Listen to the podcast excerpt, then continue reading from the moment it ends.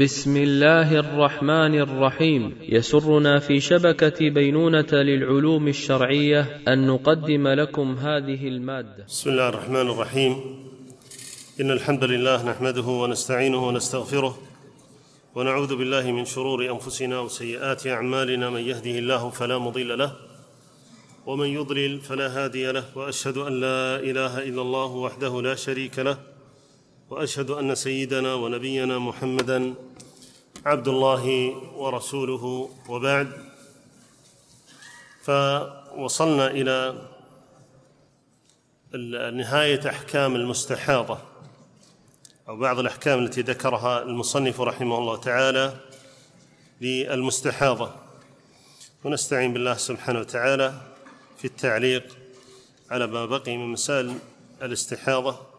ومسائل النفاس. نعم. بسم الله والحمد لله والصلاة والسلام على نبينا محمد وعلى آله وصحبه أجمعين. اللهم اغفر لنا ولشيخنا ولجميع المسلمين.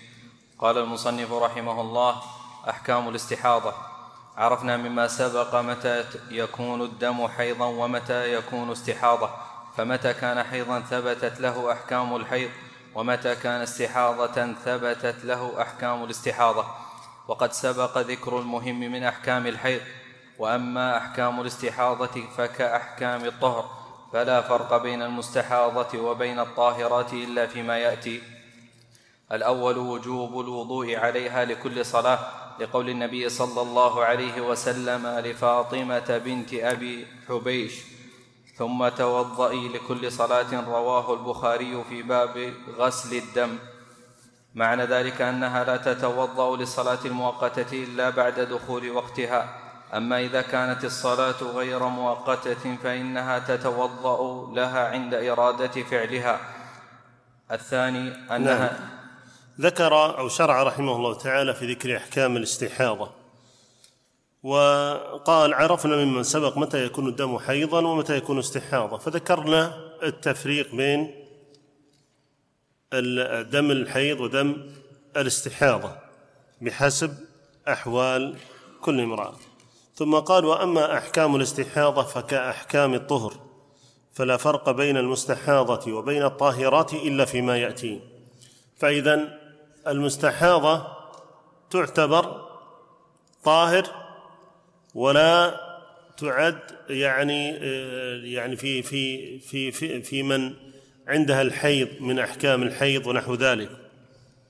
فذكر الأول وهو وجوب الوضوء عليها لكل صلاة وسبقت الإشارة إلى قضية الوضوء والكلام عليها لحديث فاطمة بنت أبي حبيش لما قال لها النبي صلى الله عليه وسلم توضئي ثم توضئي لكل صلاة كما في صحيح البخاري.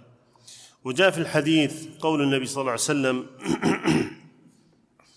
فإذا أقبلت حيضتك فدعي الصلاة وإذا أدبرت فاغسلي عنك الدم ثم صلي. وذكرنا أن هذا فيه بيان أن دم الحيض ناقض للطهارة ينقض الطهارة. وثبت في البخاري ثم توضأ لكل صلاة.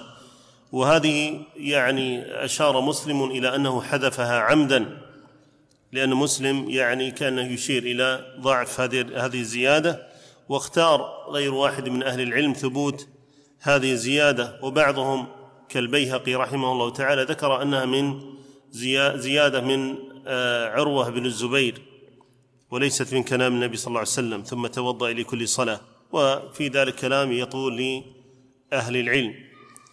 والوضوء لكل صلاة هو مذهب الشافعي وأحمد وأبي ثور عليهم رحمة الله تعالى الوضوء لكل صلاة. وخلف في ذلك مالك وشيخه ربيعة وأيوب السختياني وعكرمة وغيرهم عليهم رحمة الله تعالى. فقالوا بعدم وجوب الوضوء لكل صلاة.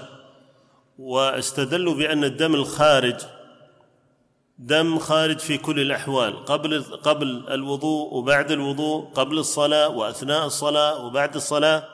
فقالوا فلا عبرة أن تتوضأ لكل صلاة بل تتوضأ لناقض آخر غير الاستحاضة.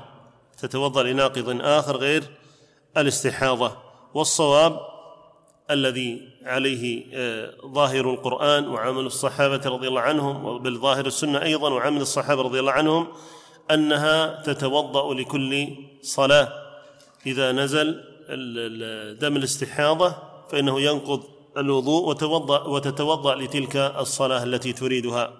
فقد أخرج عبد الرزاق بإسناد صحيح عن قمير امرأة مسروق عن عائشة أم المؤمنين رضي الله عنها أنها سئلت عن المستحاضة فقالت تجلس أيام أقرائها ثم تغتسل غسلا واحدا وتتوضأ لكل صلاة وتتوضأ لكل صلاة. بل إن بعض الصحابة كان يفتي ونحن ذكرنا أن المستحاضة لها أحوال إما أن تتوضأ لكل صلاة إما أن تغتسل لكل صلاة وإما أن تغتسل أو تتوضأ لكل جمع. فهذا كله لا بأس به للمستحاضة. وبعض الصلاة بعض الصحابة كان يفتي بالغسل لكل صلاة أو لكل جمع. فقد أخرج عبد الرزاق بإسناد صحيح عن سعيد بن جبير أن امرأة من أهل الكوفة, الكوفة كتبت إلى ابن عباس فإذا في الكتاب إني امرأة مستحاضة أصابني بلاء وضر وإني أدع الصلاة الزمان الطويل وإن علي, وإن علي بن أبي طالب سئل عن ذلك فأفتاني أن أغتسل عند كل صلاة. فقال ابن عباس اللهم لا أجد لها إلا ما قال, قال علي غير أنها تجمع بين الظهر والعصر بغسل بغسل واحد والمغرب والعشاء بغسل واحد وتغتسل للفجر. فهو أخذ بالأكمل فقيل له إن الكوفة أرض باردة وإنه يشق عليها قال لو شاء لابتلاها بأشد من ذلك. فالكل على أن الاستحاضة تنقض الوضوء لكن اختلفوا في رفع الحدث هل يكون بالغسل أو يكون ب أو يكون بالوضوء. والصواب أنه بالوضوء لظاهر السنة وكذلك لما ثبت عن الصحابة رضي الله عنهم. نعم. قال رحمه الله الثاني أنها إذا أرادت الوضوء فإنها تغسل أثر الدم. وتعصب على الفرج خرقة على قطن ليستمسك الدم لقول النبي صلى الله عليه وسلم لحمنة أنعت لك الكرسف فإنه يذهب الدم. قالت فإنه أكثر من ذلك. قالت قال فاتخذي ثوبا. قالت هو أكثر من ذلك. قال فتلجمي الحديث. ولا يضرها ما يخرج بعد ذلك. لقول النبي صلى الله عليه وسلم لفاطمة بنت أبي حبيش اجتنبي اجتنبي الصلاة أيام حيضك ثم اغتسلي وتوضئي لكل صلاة ثم صلي. وإن قطر الدم على الحصير رواه أحمد وابن ماجه. نعم وهذه المسألة الثانية أنها إذا أرادت الوضوء فإنها تغسل أثر الدم. وهذا بنص حديث النبي صلى الله عليه وسلم. قال فاغسلي عنك الدم ثم صلي. والنبي صلى الله عليه وسلم أمر بذلك صلوات الله وسلامه عليه. وهذا من الأدلة التي استدل بها من أهل العلم من يقول بنجاسة الدم. وأهل العلم يعني الخلاف الذي حصل في عدم نجاسة الدم هو خلاف متأخر مسبوق بإجماع. هو خلاف متأخر مسبوق بإجماع. والخلاف المتأخر إذا سبق بإجماع فلا عبرة بالخلاف المتأخر. فإن الصحابة رضي الله عنهم والتابعون لهم بإحسان على نجاسة الدم سواء كان دم حيض أو دم جرح. وهذا هو الصواب والصحيح في المسألة. هذا هو الصواب والصحيح في المسألة فإن الخلاف إذا سبق بإجماع فلا عبرة بالخلاف الذي يسبق الإجماع فإن الإجماع حجة قاطعة في نفسه. نعم. قال الثالث الجماع نعم هو ذكر هنا مسألة أيضا ذكر أنها تعصب على الفرج خرقة على قطن ليستمسك الدم. وهذا يعني من الأمور التي قد تفعلها المرأة إما لأجل أن لا يصيب الدم موضع الصلاة أو لا ينتثر الدم في المسجد وهو من الأمور التي قال لبعض بعض أهل العلم بحرمة مرور الحائض في المسجد. لهذا السبب وتكلمنا عن هذه المسألة وأنه لا دليل على حرمته. لكن آه هذا مما تصنعه المرأة لأجل أن لا يصيب الدم البدن أو يصيب أو يصيب موضع الصلاة.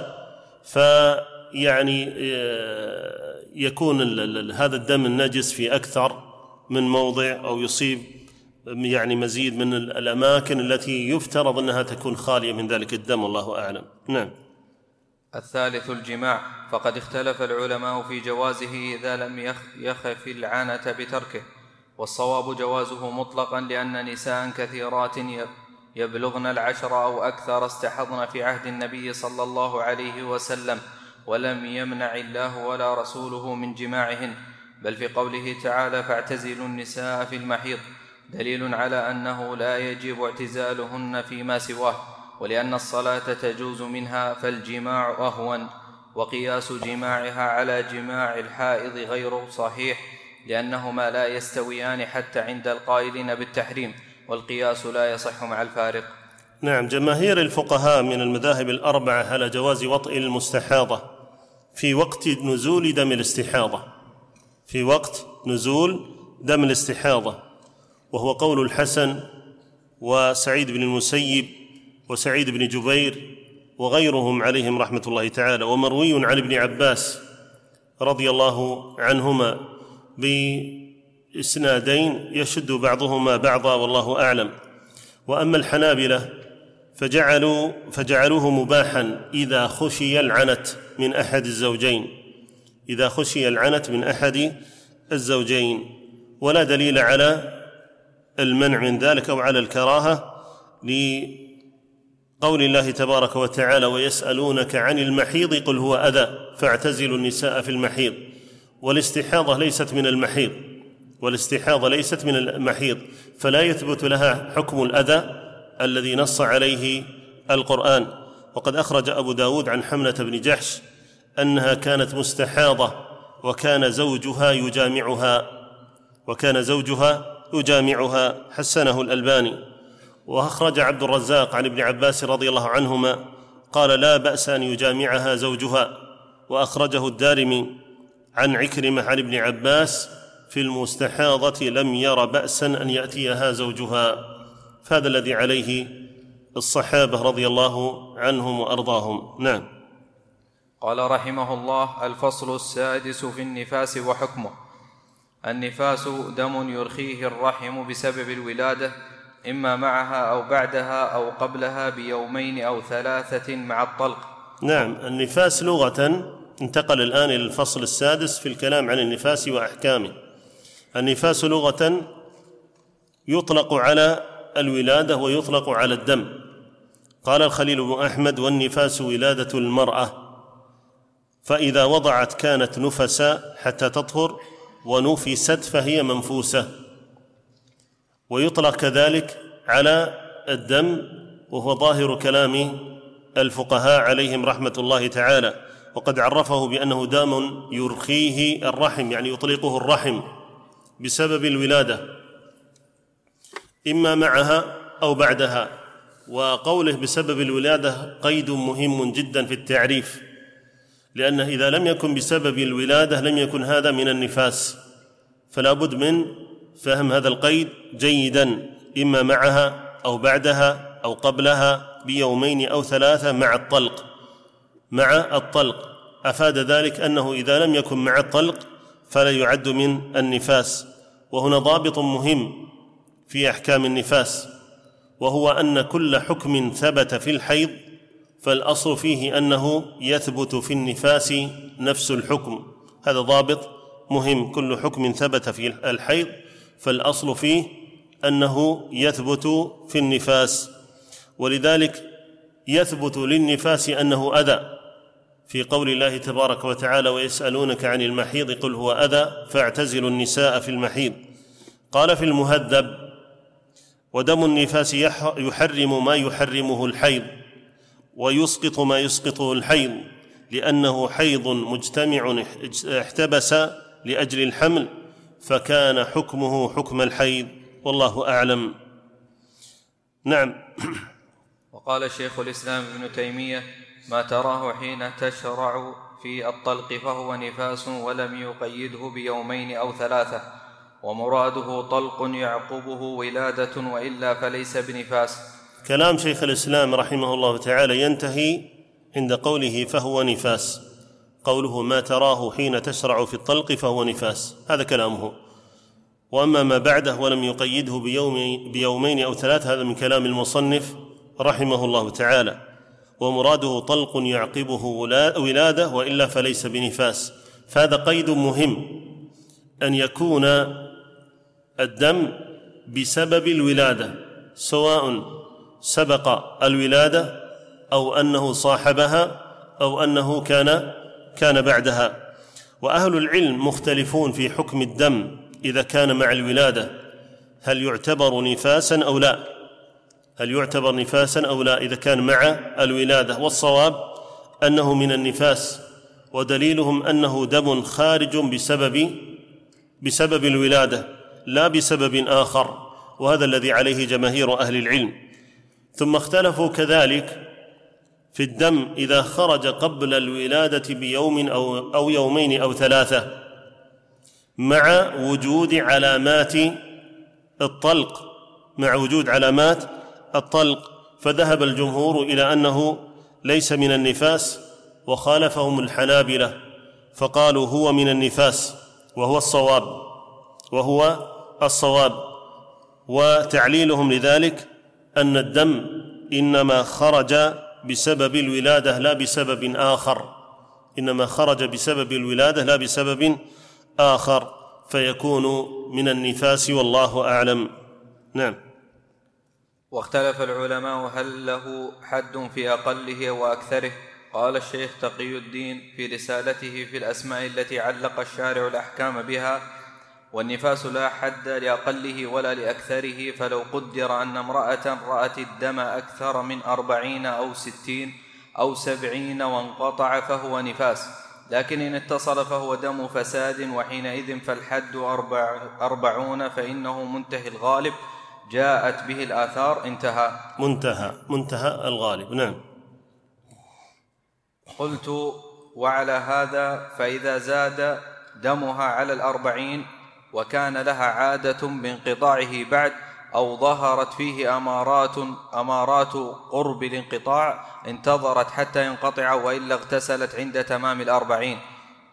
لأنه الغالب إلا أن يصادف زمن زمن حيضها فتجلس حتى ينتهي زمن الحيض فإذا انقطع بعد ذلك فينبغي أن يكون كالعادة لها فتعمل بحسبه في المستقبل. وإن استمر فهي مستحاضة ترجع إلى أحكام المستحاضة السابقة. ولو طهرت بانقطاع الدم عنها فهي طاهر ولو قبل الأربعين. فتغتسل وتصلي وتصوم ويجامعها زوجها إلا أن يكون الانقطاع أقل من يوم فلا حكم له قاله في المغني. نعم. انتقل الآن أو ذكر الآن في مسألة هي في أقل وأكثر النفاس. أما أقل النفاس فجماهير الفقهاء من السلف والخلف على أنه لا حد لأقله لا حد لأقله. والدليل قوله تعالى ويسألونك عن المحيض قل هو أذى ولقول النبي صلى الله عليه وسلم فإذا أقبلت حيضتك فدع الصلاة وإذا أدبرت فاغسلي عنك الدم ثم صلي ولا دليل لا من القرآن ولا من السنة ولا من أقوال الصحابة رضي الله عنهم على أن للنفاس حدا يكون أقله. وأما أكثره وأما أكثره فقد اختلف فيه أهل العلم للأدلة الواردة في ذلك. فقيل أربعون يوما وهو الذي عليه الحنفية والحنابلة وقيل ستون وهو قول المالكية والشافعية ورواية عن أحمد وقيل خمسون وقيل غير ذلك. والصواب أن أكثر النفاس أربعون يوما أكثر النفاس أربعون يوما لثبوته عن الصحابة رضي الله عنهم. فعن ابن عباس رضي الله عنهما أنه قال النفساء تنتظر نحو من أربعين يوما النفساء تنتظر نحو من أربعين يوما أخرجه الدارمي. وعن أم سلمة رضي الله عنها أنها قالت كانت النفساء على عهد النبي صلى الله عليه وسلم تجلس أربعين يوما. قال الألباني وقال الحاكم حديث صحيح الإسناد ووافقه الذهبي وهو عندي حسن الإسناد. كما أن الطب الحديث طبعا أثر أم سلمة رضي الله عنها تكلم فيه بعض أهل العلم والذي يظهر أن ما تكلم فيه أو ما ذكر من التعليلات أنها لا تقدح فيه والله أعلم. كما أن الطب الحديث أقول كما أن الطب الحديث يثبت أن النفاس ستة أسابيع. النفاس ستة أسابيع. لا تزيد مدة النفاس عن ستة أسابيع. فهذا يقوي هذا الاختيار أيضا ويستأنس به في الاختيار والله أعلم. المصنف رحمه الله تعالى ذكر مسألة وهي أنه إذا اتصل الدم وزاد عن الأربعين وكانت لها عادة بانقطاعها بعد الأربعين يعني هي اعتادت مثلا ينقطع عندها الدم بعد الأربعين خمسة وأربعين يوم مثلا أو خمسين يوم مثلا اعتادت على ذلك. فاختار رحمه الله تعالى أن تمكث وتنتظر بقية الأيام تمكث وتنتظر بقية الأيام. هذا الذي اختاره رحمه الله تعالى. إذا شعرت بقرب الانقطاع أو شعرت بأن أو كانت هذه عادتها والذي يغلب يعني أو تميل إليه النفس ما عليه الصحابة رضي الله عنهم وأرضاهم والله أعلم. نعم. ولا يثبت النفاس إلا إذا وضعت ما تبين فيه خلق إنسان. فلو وضعت سقطا صغيرا لم يتبين فيه خلق إنسان فليس دمها دم نفاس بل هو دم عرق فيكون حكمها حكم المستحاضه وأقل مدة تبين فيها خلق إنسان ثمانون يوما من ابتداء الحمل وغالبها تسعون يوما. قال المجد بن تيمية فمتى رأت دما على طلق قبلها لم تلتفت إليه وبعدها تمسك عن الصلاة والصيام. ثم إن انكشف الأمر بعد الوضع على خلاف الظاهر رجعت فاستدركت. وإن لم ينكشف الأمر استمر حكم الظاهر فلا إعادة. نقله عنه في في شرح الاقناع نعم. هنا مسألة مهمة تتعلق بالنفاس. أهل العلم يثبتون النفاس للمرأة إذا نفخ نفخت الروح في الجنين وهو باستكمال مئة وعشرين يوما. باستكمال مئة وعشرين يوما لحديث ابن مسعود رضي الله عنه الصحيح في ذلك. فإذا استكمل أو تم الجنين مئة وعشرين يوما فقد نفخت فيه نفخت فيه الروح. لكن المسألة فيما يسبق ذلك فيما يسبق فيما يسبق ذلك هل يعد نفاسا أو لا؟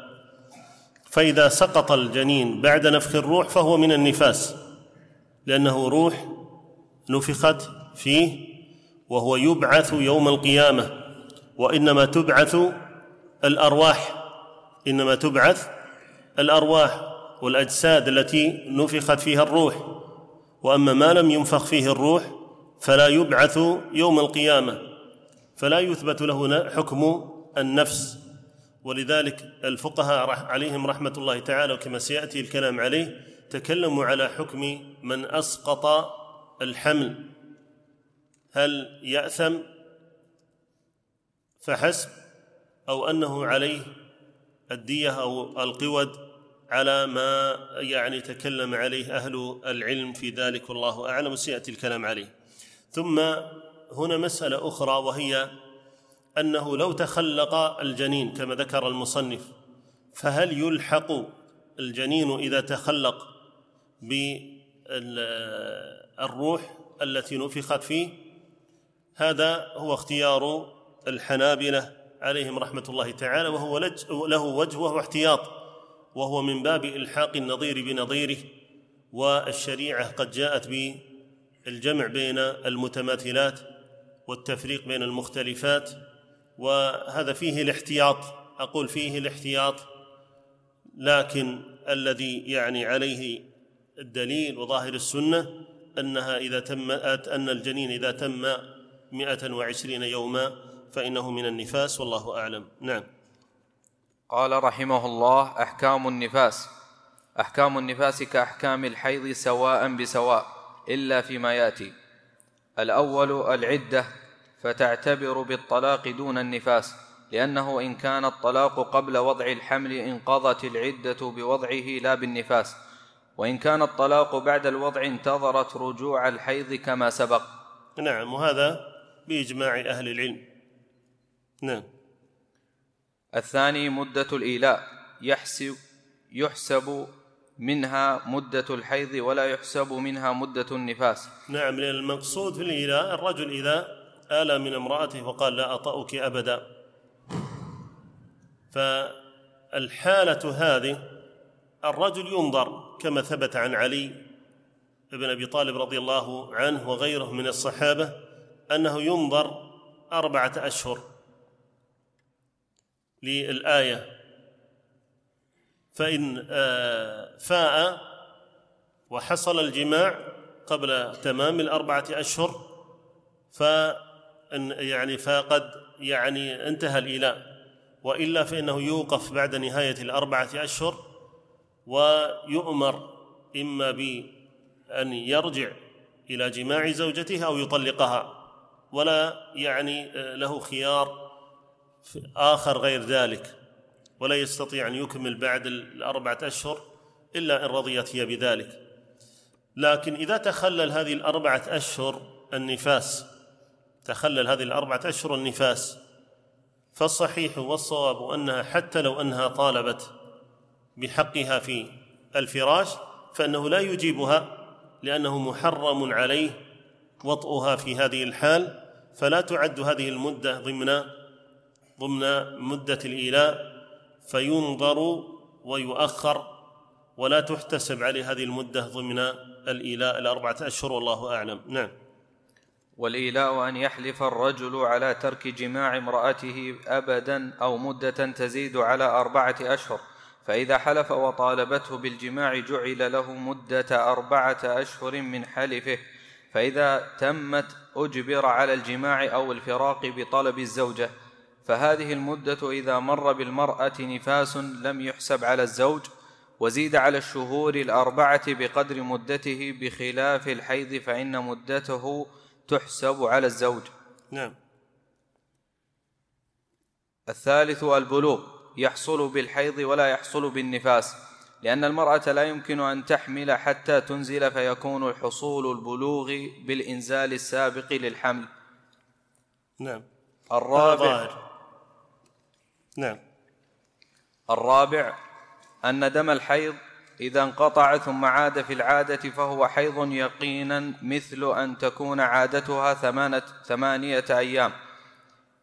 فترى الحيض أربعة أيام ثم ينقطع يومين ثم يعود في السابع والثامن. فهذا العائد حيض يقينا يثبت له أحكام الحيض. وأما دم النفاس إذا انقطع قبل الأربعين ثم عاد في الأربعين فهو مشكوك فيه فيجب عليها أن تصلي وتصوم, وتصوم الفرض المؤقت في, في وقته. ويحرم عليها ما يحرم على الحائض غير الواجبات. وتقضي بعد طهرها ما فعلته في هذا الدم مما يجب على الحائض قضاؤه. هذا هو المشهور عند الفقهاء من الحنابلة والصواب أن الدم إذا عاودها في زمن يمكن أن يكون نفاسا فهو نفاس. وإلا فهو حيض إلا أن يستمر عليها فيكون استحاضة. وهذا قريب مما نقله في المغني عن الإمام مالك حيث قال وقال مالك إن رأت الدم بعد يومين أو ثلاثة يعني من انقطاعه فهو نفاس وإلا فهو حيض. انتهى. وهو مقتضى اختيار شيخ الإسلام ابن تيمية وليس في الدماء شيء مشكوك فيه بحسب الواقع. ولكن الشك ولكن الشك الشك أمر نسبي الشك أمر نسبي يختلف فيه الناس بحسب علومهم وأفهامهم. والكتاب والسنة فيهما تبيان كل شيء ولم يوجب الله سبحانه على أحد أن يصوم مرتين أو يطوف مرتين إلا أن يكون في الأول خلل لا يمكن تداركه إلا بالقضاء. أما حيث فعل العبد ما يقدر عليه من التكليف بحسب استطاعته فقد برئت ذمته. كما قال تعالى لا يكلف الله نفسا إلا وسعها وقال فاتقوا الله ما استطعتم والفرق الخامس بين الحيض والنفاس أنه في الحيض إذا طهرت قبل حسبك. طيب المسألة الرابعة هذه المسألة الرابعة أن دم الحيض إذا انقطع ثم عاد إذا انقطع ثم عاد في العادة فهو حيض يقينا. وهنا نرجع إلى المسألة التي تكلمنا عليها وهي مسألة النقاء بين بين الدمين. مسألة النقاء بين الدمين. ترجع إلى هذه المسألة تكلمنا فيها بتفصيل حول حول الدم إذا انقطع ثم ثم عاود المرأة. فالنقاء بين الدمين إذا كان الانقطاع يسير فهو من الحيض فهو من الحيض. ولكن إذا استمر يعني المدة الطويلة فهنا يعني لا يثبت به أحكام أحكام الحيض. بالنسبة للنفاس فالأمر كذلك بالنسبة للنفاس فهو نقاء بين بين دمين. لكن قد يختلف النفاس إلا إذا كانت المرأة لها عادة فيه اعتادت يعني كان هذا ولدها الرابع أو الخامس أو السادس ونحو ذلك فاعتادت شيء سابق فترى فتنظر في عادتها التي اعتادت التي اعتادت فيها. وإلا فإن الدم كما ذكرنا نرجع إلى التفاصيل التي ذكرناها في مسألة النقاء بين الدمين. هي هي نفسها التي يقال بها هنا والله أعلم. ومسألة يعني أنها تعيد الصلاة على مذهب الحنابلة إن إذا صلت في وقت الدم المشكوك فيه فهذا لا دليل عليه من القرآن ولا من السنة ولا من أقوال الصحابة. أن يطالب الإنسان بفعل العبادة مرتين وتكون كلا العبادتين أداء. تكون كلا العبادتين أداء. هذا ما جاء لا في كتاب ولا في سنة أن يؤبر الإنسان بنفس العبادة وبذات العبادة مرتين وتكون كلاهما أداء. هذا لا يمكن. إما أن تكون قضاء وإما أن تكون إعادة لكن ما تكون كلاهما أداء هذا لا يثبت في القرآن ولا في السنة والله أعلم. نعم. الفرق الخامس بين الحيض والنفاس أنه في الحيض إذا طهرت قبل العادة جاز لزوجها جماعها بدون كراهة. وأما في, وأما في النفاس إذا طهرت قبل الأربعين فيكره لزوجها جماعها على المشهور في المذهب. والصواب أنه لا يكره له جماعها وهو قول جمهور العلماء لأن الكراهة حكم شرعي يحتاج إلى دليل شرعي. وليس في هذه المسألة سوى ما ذكره الإمام أحمد عن عثمان بن أبي العاص أنها أتته قبل الأربعين فقال لا تقربيني وهذا لا يستلزم الكراهة لأنه قد يكون منه على سبيل الاحتياط خوفا من أنها لم تتيقن الطهر أو من أن يتحرك الدم بسبب الجماع أو لغير ذلك من الأسباب والله أعلم. نعم مذهب جماهير الفقهاء عليهم رحمة الله تعالى على جواز الوطن. بخلاف الحنابلة في المشهور أنه آه، يكره أنه يكره.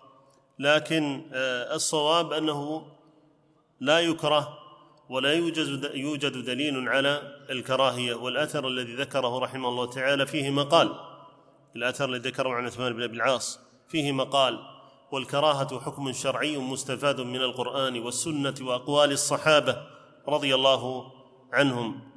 ولا دليل من ذلك فلا يكره جماع آه، المرأة إذا طهرت قبل الأربعين. نعم. قال رحمه الله الفصل السابع في استعمال ما يمنع الحيض أو يجلبه وما يمنع الحمل أو يسقطه.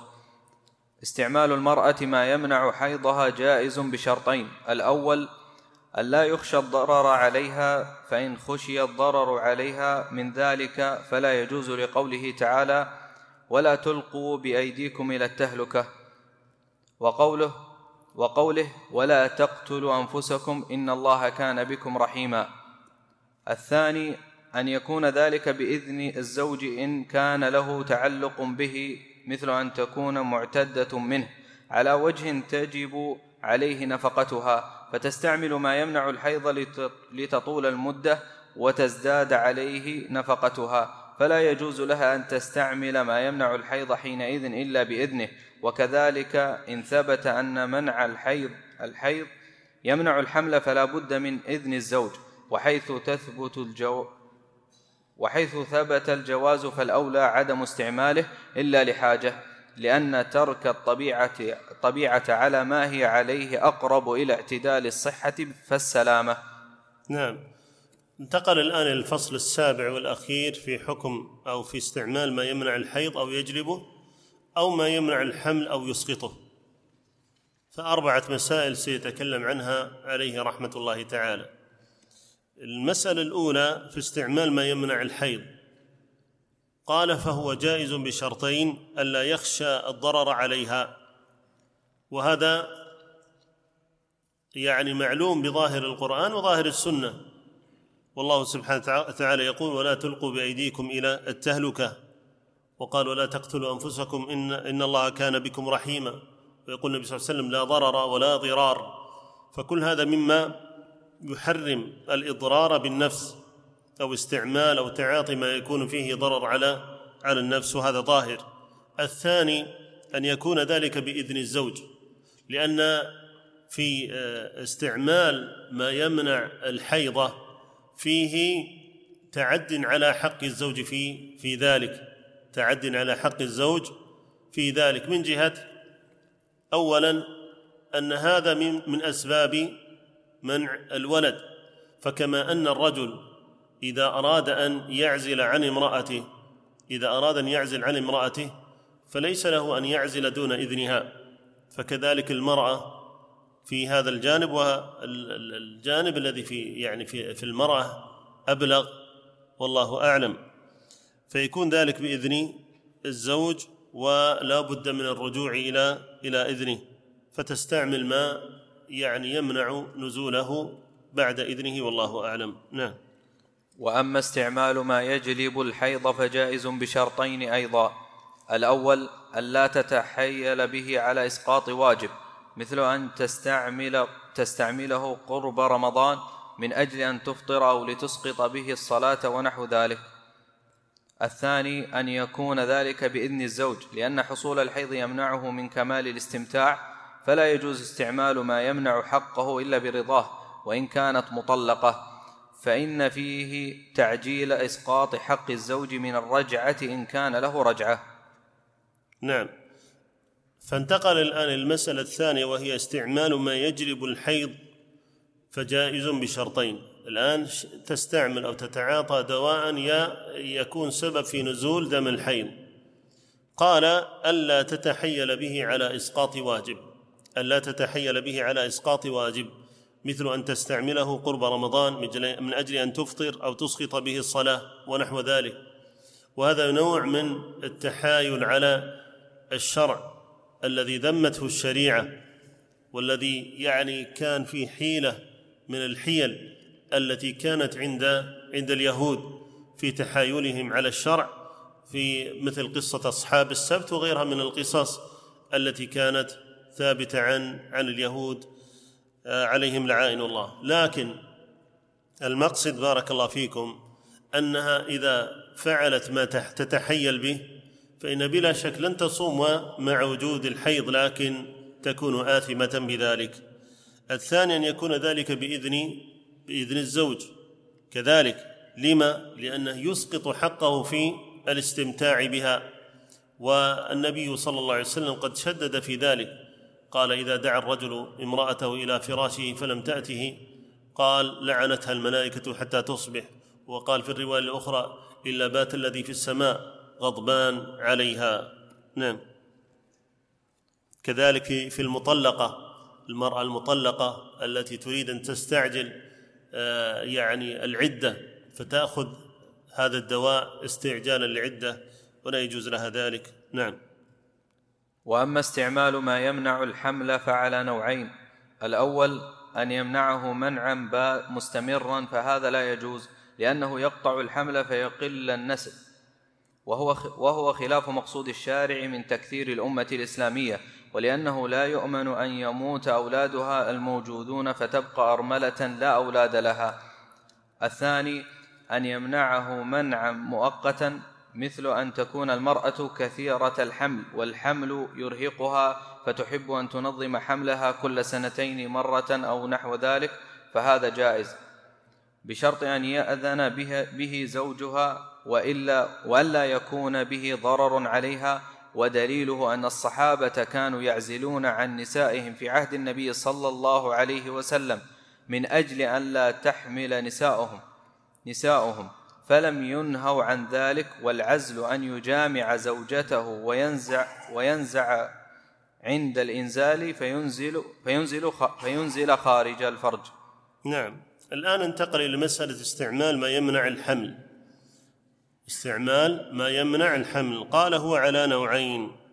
الأول أن يمنعه منعا مستمرا، فهذا لا يجوز لأن النبي صلى الله عليه وسلم يقول تزوجوا الودود الولود فإني مكاثر بكم الأمم يوم القيامة. فهو مقصد شرعي وهو من أكبر مقاصد النكاح وهو من أكبر مقاصد مقاصد النكاح. ولأن النبي صلى الله عليه وسلم لما سأله الرجل عن المرأة أنها تزوج المرأة لا تلد فأمره بفراقها صلى الله عليه وسلم.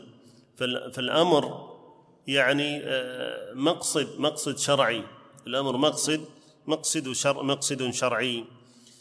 والثاني أن يمنعه منعا مؤقتا. طبعا الأول بالنسبة للأول إذا كان عليها ضرر في الحمل فهذا لا إشكال فيه. إنها تقطع النسل إذا كان في ضرر عليها. الثاني أن يمنعه منعا مؤقتا. أن يمنعه منعا مؤقتا. مثل ان تكون كثيرة الحمل والحمل يرهقها. والنبي صلى الله عليه وسلم ذكر في نساء أهل الجنة الودود الولود أي التي كثير التي هي كثيرة كثيرة الولادة. هذه من صفات النساء التي هن يعني من نساء أهل الجنة. فتريد تنظيم الحمل لا إيقافه. فتنظيمه جائز بخلاف إيقافه. تنظيمه جائز بخلاف إيقافه. ودليله حديث جابر رضي الله عنه كنا نعزل والقرآن ينزل أخرجه مسلم. نعم.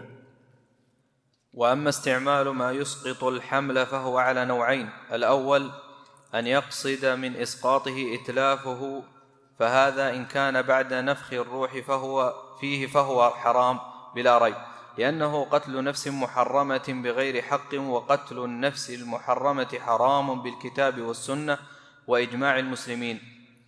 وإن كان قبل نفخ الروح فيه فقد اختلف العلماء في جوازه. فمنهم من أجازه ومنهم من منعه ومنهم من قال يجوز ما لم يكن علقة. أي ما لم يمض عليه أربعين يوما. ومنهم من قال يجوز ما لم يتبين فيه خلق إنسان. والأحوط المنع من إسقاطه إلا لحاجة كأن تكون الأم مريضة لا تتحمل الحمل أو نحو ذلك. فيجوز إسقاطه حينئذ إلا أن إلا إن مضى عليه زمن يمكن أن يتبين فيه خلق إنسان فيمنع. والله أعلم. نعم. الآن استعمال ما يسقط الحمل هذه المسألة التي بعدها على نوعين. نتكلم عن النوع الأول أن يسقطه بقصد إتلافه بقصد إتلافه. فهذا على نوعين إما أن يكون قبل نفخ الروح وإما أن يكون بعد نفخ الروح. فأما بعد نفخ الروح فبالإجماع لا يجوز. وهو من قتل النفس التي حرم الله سبحانه وتعالى. وتنطبق عليه الأحاديث والآيات الواردة في قتل النفس. تنطبق عليه الأحاديث والآيات الواردة في قتل النفس. وجماهير الفقهاء على أنه كبيرة من الكبائر وإثم شديد واختلفوا في القود منه أو الدية فيه. اختلفوا في القود وفي الدية فيه فإن النبي صلى الله عليه وسلم كما ثبت في الصحيح قضى في المرأة التي رض رأسها بين حجرين قضى فيها النبي صلى الله عليه وسلم بغرة عبد أو امرأة فقضى فيها في, في, في, في الجنين قضى بغرة عبد أو امرأة صلى الله عليه وسلم فجعل فيه الدية صلوات الله وسلامه عليه. والمسألة بلا شك مسألة عظيمة جدا. ولا يجوز أن يتهاون فيها الإنسان.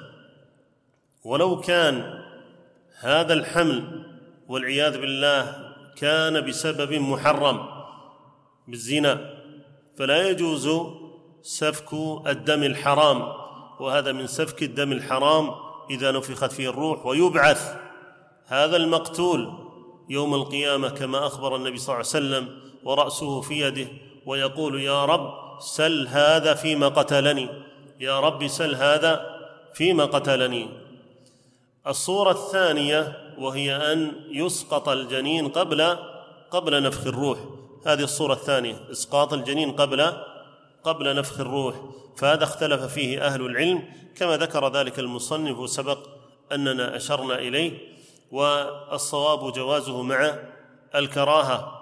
الصواب جوازه مع الكراهة. لأنه إذا يعني كان قبل نفخ الروح إما أن يكون علقة أو مضغة وقد تكون غير مخلقة فهذه لا لا تنطبق عليها أحكام النفس لا تنطبق عليها أحكام النفس لكن يشتد الأمر إذا قرب الجنين من التخلق أو تخلق الجنين إذا تخلق الجنين لأن كما ذكرت أن أهل العلم قد يلحقون فيه النظير بنظيره فهو أشبه بما لو كان يعني أو قريب مما من الجنين الذي ينفخ فيه الروح والله أعلم. فالإنسان يعني ينظر في هذا. بارك الله فيكم. المسألة ليست الهينة والإنسان يحذر أشد الحذر. بعض أهل العلم يمنع من إسقاطه حتى لو كان نطفة. حتى لو كان نطفة نعم. الثاني ألا يقصد من إسقاطه إتلافه بأن تكون محاولة إسقاطه عند انتهاء مدة الحمل وقرب وقرب الوضع. فهذا جائز بشرط أن لا يكون في ذلك ضرر على الأم ولا على الولد وألا يحتاج الأمر إلى عملية فإن احتاج إلى عملية عملية فله حالات أربع. الأولى أن تكون الأم حية والحمل حيا فلا تجوز العملية إلا طبعا الصورة هذه الآن يذكرها حتى تتصور إذا قرب انتهاء الحمل قربت من الوضع.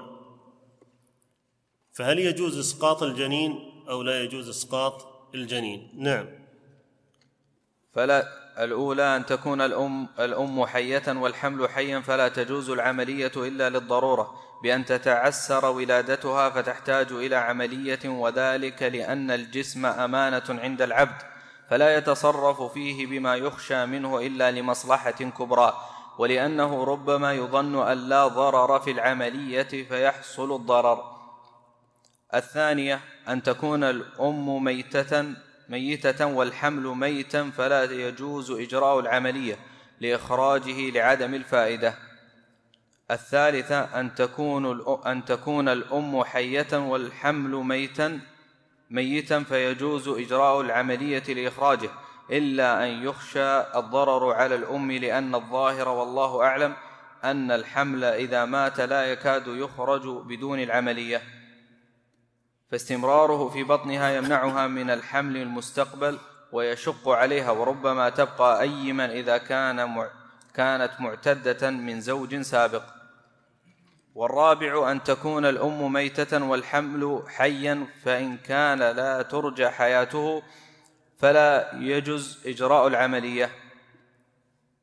لم يجوز إجراء العملية. وإن كانت وإن كان ترجى حياته فإن كان قد خرج بعضه شق بطن الأم لإخراج باقيه. وإن لم يخرج منه شيء فقد قال أصحابنا رحمهم الله لا يشق بطن الأم لإخراج الحمل لأن ذلك مثله. والصواب أنه يشق البطن إن لم يكن إخراجه بدونه.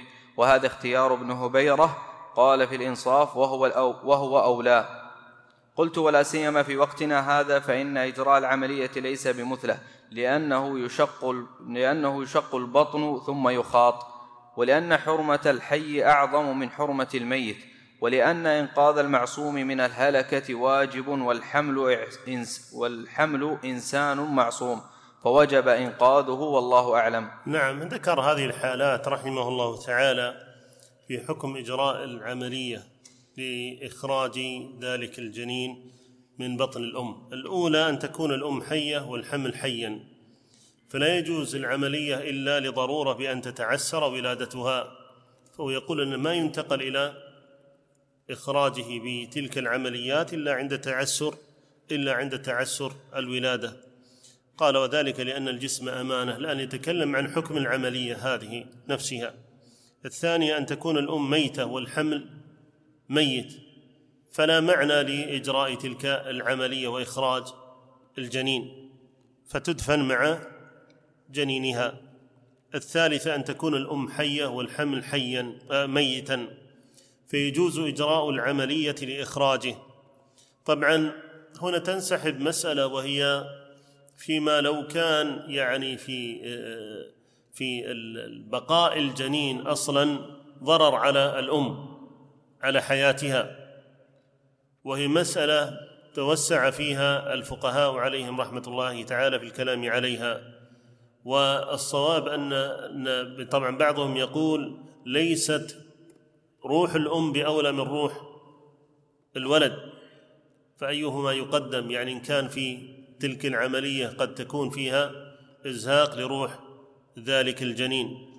والصواب أنها إبقاء الأصل أولى من من إبقاء الفرع على تلك الحال لأن الفرع مظنون والأصل متيقن والله أعلم. الثالثه أن تكون الأم حية والحمل ميتا فيجوز إجراء العملية لإخراجه وهذا ظاهر وواضح لأنه ميت وبقاؤه ضرر عليها وقد يفسد في في رحمها. الرابعه أن تكون الأم ميتة والحمل حيا فهذا إن كانت ترجى حياته فظاهر أيضا في ذلك وخصوصا اليوم مع يعني الآلات والمعدات والأشياء الحديثة والله أعلم. نعم. تنبيه في الحالات التي يجوز فيها إسقاط الحمل فيما سبق لا بد من إذن من له الحمل في ذلك كالزوج. وإلى هنا انتهى ما أردنا هذا كتاب هذا ظاهر في إذن الزوج ظاهر. ما يجوز لها إذا كان ما يجوز لها أن تمنع الحيض وأن تستعمل ما يعني يمنع الحمل فلا ان يؤذن في في إسقاط الحمل من باب الأولى. نعم. وإلى هنا انتهى ما أردنا كتابته في هذا الموضوع الهام وقد اقتصرنا فيه على أصول المسائل وضوابطها وإلا ففروعها وجزئياتها وما يحدث للنساء من ذلك بحر لا ساحل له.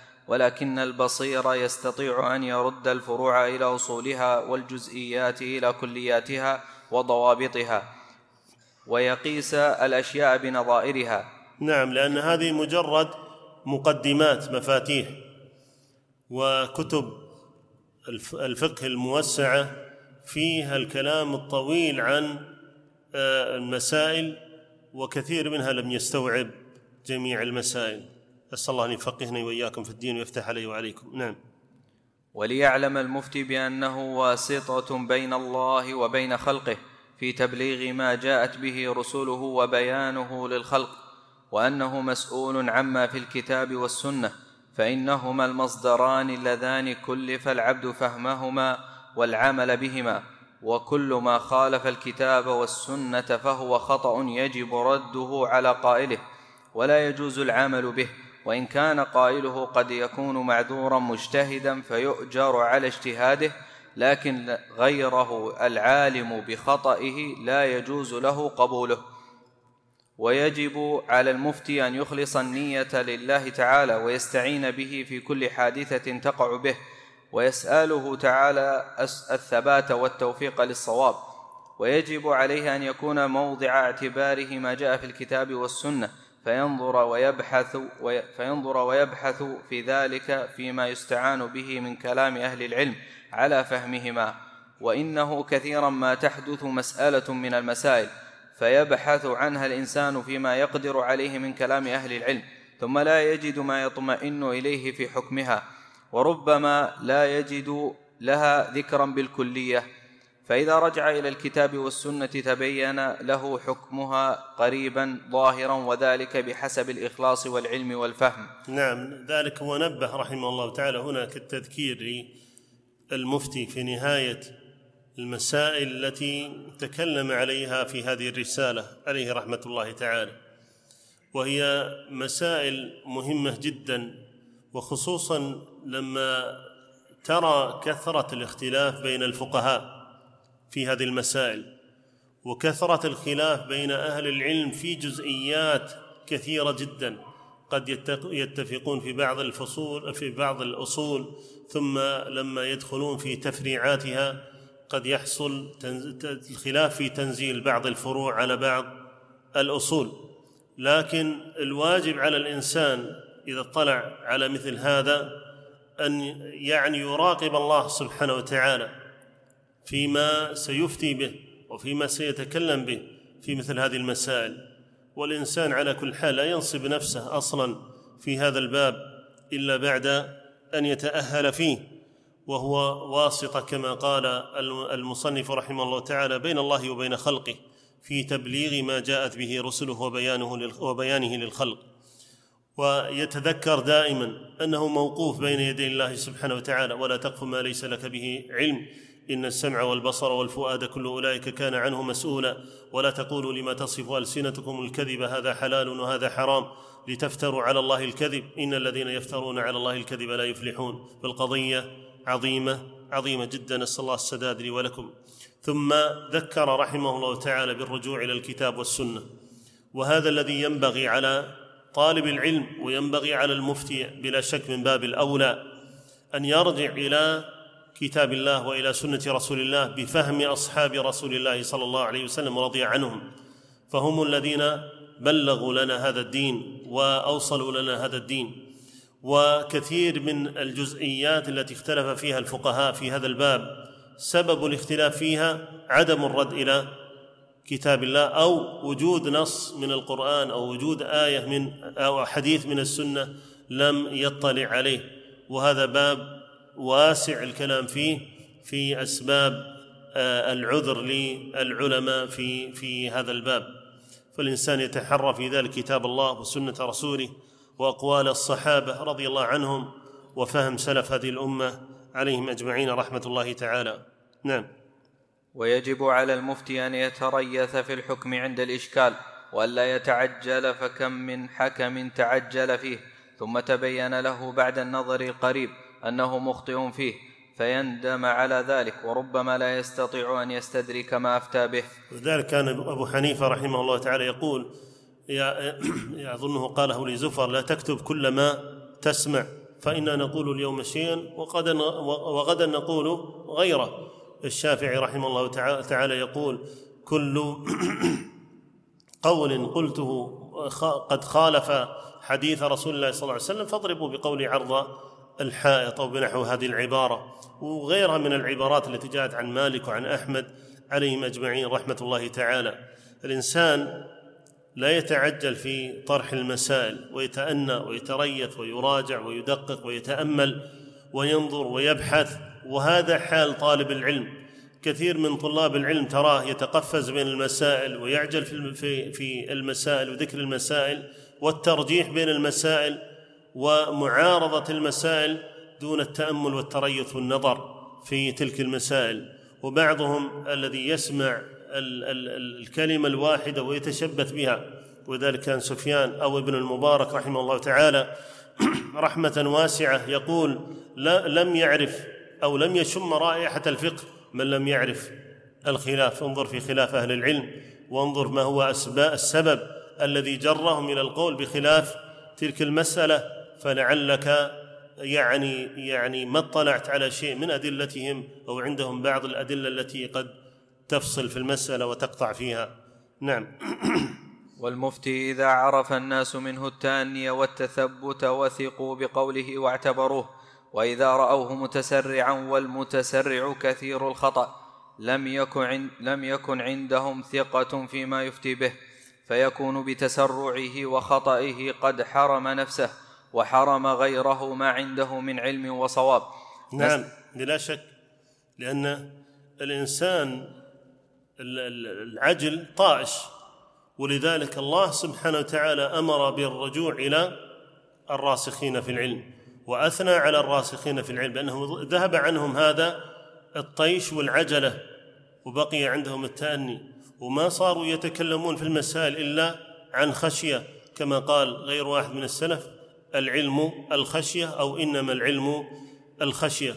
والله سبحانه وتعالى قد أثنى على الراسخين في العلم في كتابه. ولذلك كان الإنسان كلما كان أرسخ في العلم كان أثبت وكان أقرب وأهدى وأصوب. وكلما كان الإنسان يعني أقل خشية لله سبحانه وتعالى حصل عنده ذلك الطيش وحصل عنده ذاك الخلل. والنبي صلى الله عليه وسلم إنما كان أعلم الناس بكتاب الله وبسنة رسول الله مهديا صلوات الله وسلامه عليه لكثرة خشيته لله فوفقه الله سبحانه وتعالى للهدى.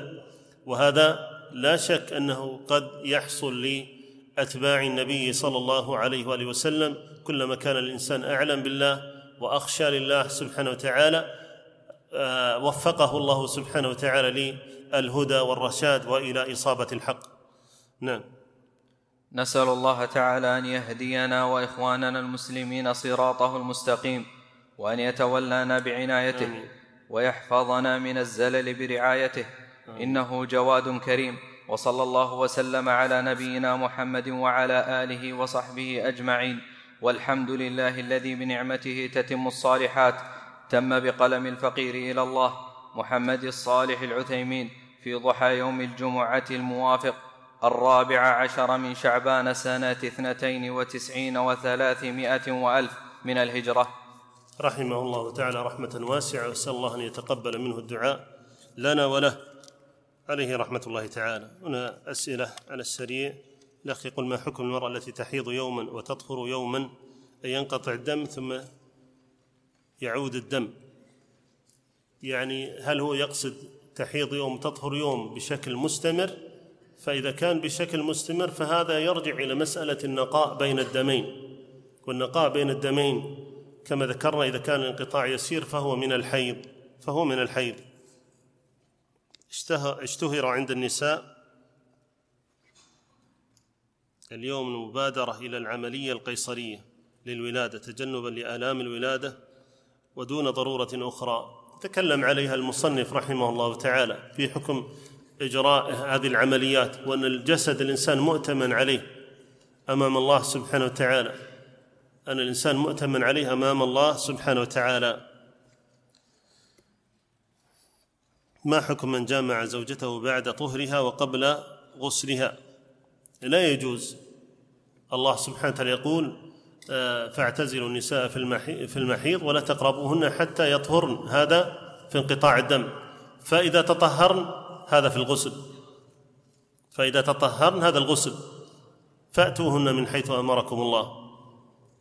قال ما الذي على المرأة التي لم تعلم بوجوء قضاء الصلاة التي دخل وقتها عند حيضها؟ لم تعلم بوجوب قضاء الصلاة التي دخل وقتها عند حيضها. نعم المسألة التي ذكرناها تقصد قضاء الصلاة التي يعني بعد دخول الوقت حاضت. إذا كانت يعني قد أخذت بفتوى أو يعني سمعت بشيء من ذلك فلا شيء عليها. وإن كانت قد احتاطت في ذلك وقضت الصلاة فهو أكمل وأفضل. والله أعلم. بهذا نختم أيها الأحبة هذه المجالس وهذه الدورة العلمية دورة الإمام مالك بن أنس الحادية عشرة بعد عشر سنين. يعني من الدورات التي تكررت ولله الحمد حصل فيها النفع إن شاء الله. وأسأل الله سبحانه وتعالى أن يمن علي وعليكم بالثبات على التوحيد والسنة وعلى الإيمان وعلى العمل الصالح وأن يجزل الأجر والمثوبة لكم على حضوركم وعلى استماعكم وعلى صبركم. وحسن ظنكم بأخيكم أسأل الله يثبتنا وإياكم على الإسلام والتوحيد والسنة. وتذكير أخير قبل أن أختم وهو ما قد تعلمونه من قبل يوم لعله اليوم أو أمس يعني قضية الحمد لله أن الله سبحانه وتعالى مكن لولاة الأمر ب يعني معرفة أهل الضلالة وأهل الغواية الذين يكيدون بهذا البلد وبأهله سوءا وشرا. فحصل لله الحمد القبض على بعض الذين أرادوا بهذا البلد الشر والفساد. وهذه منة من الله سبحانه وتعالى أن يكون في البلد الأمن وأن يكون في البلد الأمان وأن يكون في البلد الخير ولا شك أن القضية وإن كانت قضية قديمة لكن المسألة بارك الله في الجميع تستدعي اولا الصبر والاحتساب ثم تستدعي قضية أخرى مهمة جدا. الحق يحتاج إلى رجال. الحق يحتاج إلى رجال يقومون بهذا الحق. ولا يحتاج إلى أشباه الرجال. الحق ما يقوم بأشباه الرجال يقوم بالرجال. والرجال الذين يثبتون على سنة النبي صلى الله عليه وسلم والرجال هم الذين يقومون بواجب الدعوة إلى الله سبحانه وتعالى وإلى سنة رسول الله صلى الله عليه وسلم. يتكلمون بالحق يصدعون بالحق بل نقذف بالحق على الباطل فيدمغه فإذا هو زاهق. كيف يزهق؟ إذا ما كان هنالك رجال يقومون بهذا الحق ويستمسكون بهذا الحق ويذبون عن هذا الحق ويدعون إلى هذا الحق بحق وصدق. لذلك أهل السنة أهل وضوح وأهل البيان ما عندهم شيء يخفونه في مجالسهم الخاصة ما يتكلمون به في العامة يتكلمون به في الخاصة وما يتكلمون به في الخاصة يتكلمون به في العامة. تقلبهم ظهرا وبطنا هم واحد. ما عندهم ألوان ولا عندهم أشكال ولا عندهم فرق ولا عندهم أحزاب ولا عندهم جماعات ولا عندهم أشياء يعني يتحزب إليها الإنسان ويرجع إليها. ما عندهم إلا كتاب الله وسنة رسوله بفهم سلف هذه الأمة. هذا الذي يرجعون إليه ويصدعون به ويتكلمون به في مجالسهم. نالوا على ذلك الجزاء المقابل أو مالوه؟ ما نالوه. لأنهم ينتظرون الجزاء من رب العالمين سبحانه وتعالى. فكونوا رجالا تقومون بالحق وتدافعون عن الحق وتدعون إلى الحق. بكتاب الله وبسنة رسول الله بفهم سلف هذه الأمة عليهم رحمة الله تعالى. وعلينا أن نذب عن هذا البلد ونصدق في الذب عنه ونصدع بذلك ما استطعنا إلى ذلك سبيل. ويتكلم الإنسان في ذلك بالحق ما يجامل فيه ولا يحابي فيه. ولا ينتظر جزاء من أحد ايا كان ما ينتظر من أحد المقابل ولا الجزاء. يحمد الله سبحانه وتعالى على ثباته على السنة. هذا أفضل جزاء أن يكون مسلم سائر على سنة النبي صلى الله عليه وسلم داعي إلى سنة رسول الله صلى الله عليه وسلم. هذا يكفيك. هذا أعظم جزاء. تحيا على السنة والتوحيد والإيمان وتموت على السنة والتوحيد والإيمان. ماذا تريد جزاء أكبر من هذا وأعظم من هذا؟ غدا تلقى الأحبة محمدا وصحبه بهذا. بثباتك على سنة النبي صلى الله عليه وسلم ودعوتك إلى سنة النبي صلى الله عليه وسلم. لا تكن من أشباه الرجال الذي يتخلخل إيمانه ويضعف بسبب ما قد يسمعه ما قد يروج في بعض مواقع التواصل أو نحو ذلك.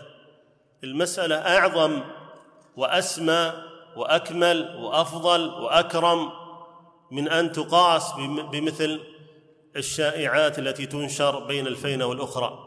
أسأل الله أن يثبتني وإياكم على الإسلام والتوحيد والسنة وأن يجعلنا دعاة إلى دينه وإلى توحيده سبحانه وتعالى. ما حيينا على ذلك وما بقينا على هذه الحياة وعلى ظاهر هذه الحياة. ندافع عن هذا البلد وعن بلاد الإسلام كلها إن شاء الله بصدق وإخلاص وندعو إلى ائتلاف القلوب واجتماعها حول ولاة الأمر. في النهاية أختم بالشكر والثناء للهيئة العامة للشؤون الإسلامية والأوقاف بدبي على إتاحة مثل هذه المجالس النافعة. نلتقي بهذه الوجوه النيرة الطيبة. نستفيد ونفيد إن شاء الله. كما أشكر مركز رياض الصالحين ووالدنا الوالد خليفة بن ضاعن أسأل الله سبحانه وتعالى أن يعافيه ويشافيه وأن يبارك في عمره. وفي عمله الذي يتسبب في مثل هذه المجالس. جزاه الله عنا خير الجزاء. والشكر لكم في الختام. أسأل الله لي ولكم التوفيق والسداد. والله أعلى وأعلم. وصلى الله وسلم على نبينا محمد وعلى آله وصحبه أجمعين. للاستماع إلى الدروس المباشرة والمسجلة والمزيد من الصوتيات يرجى زيارة شبكة بينونة للعلوم الشرعية على الرابط بينونة دوت نت. وجزاكم الله خيرا.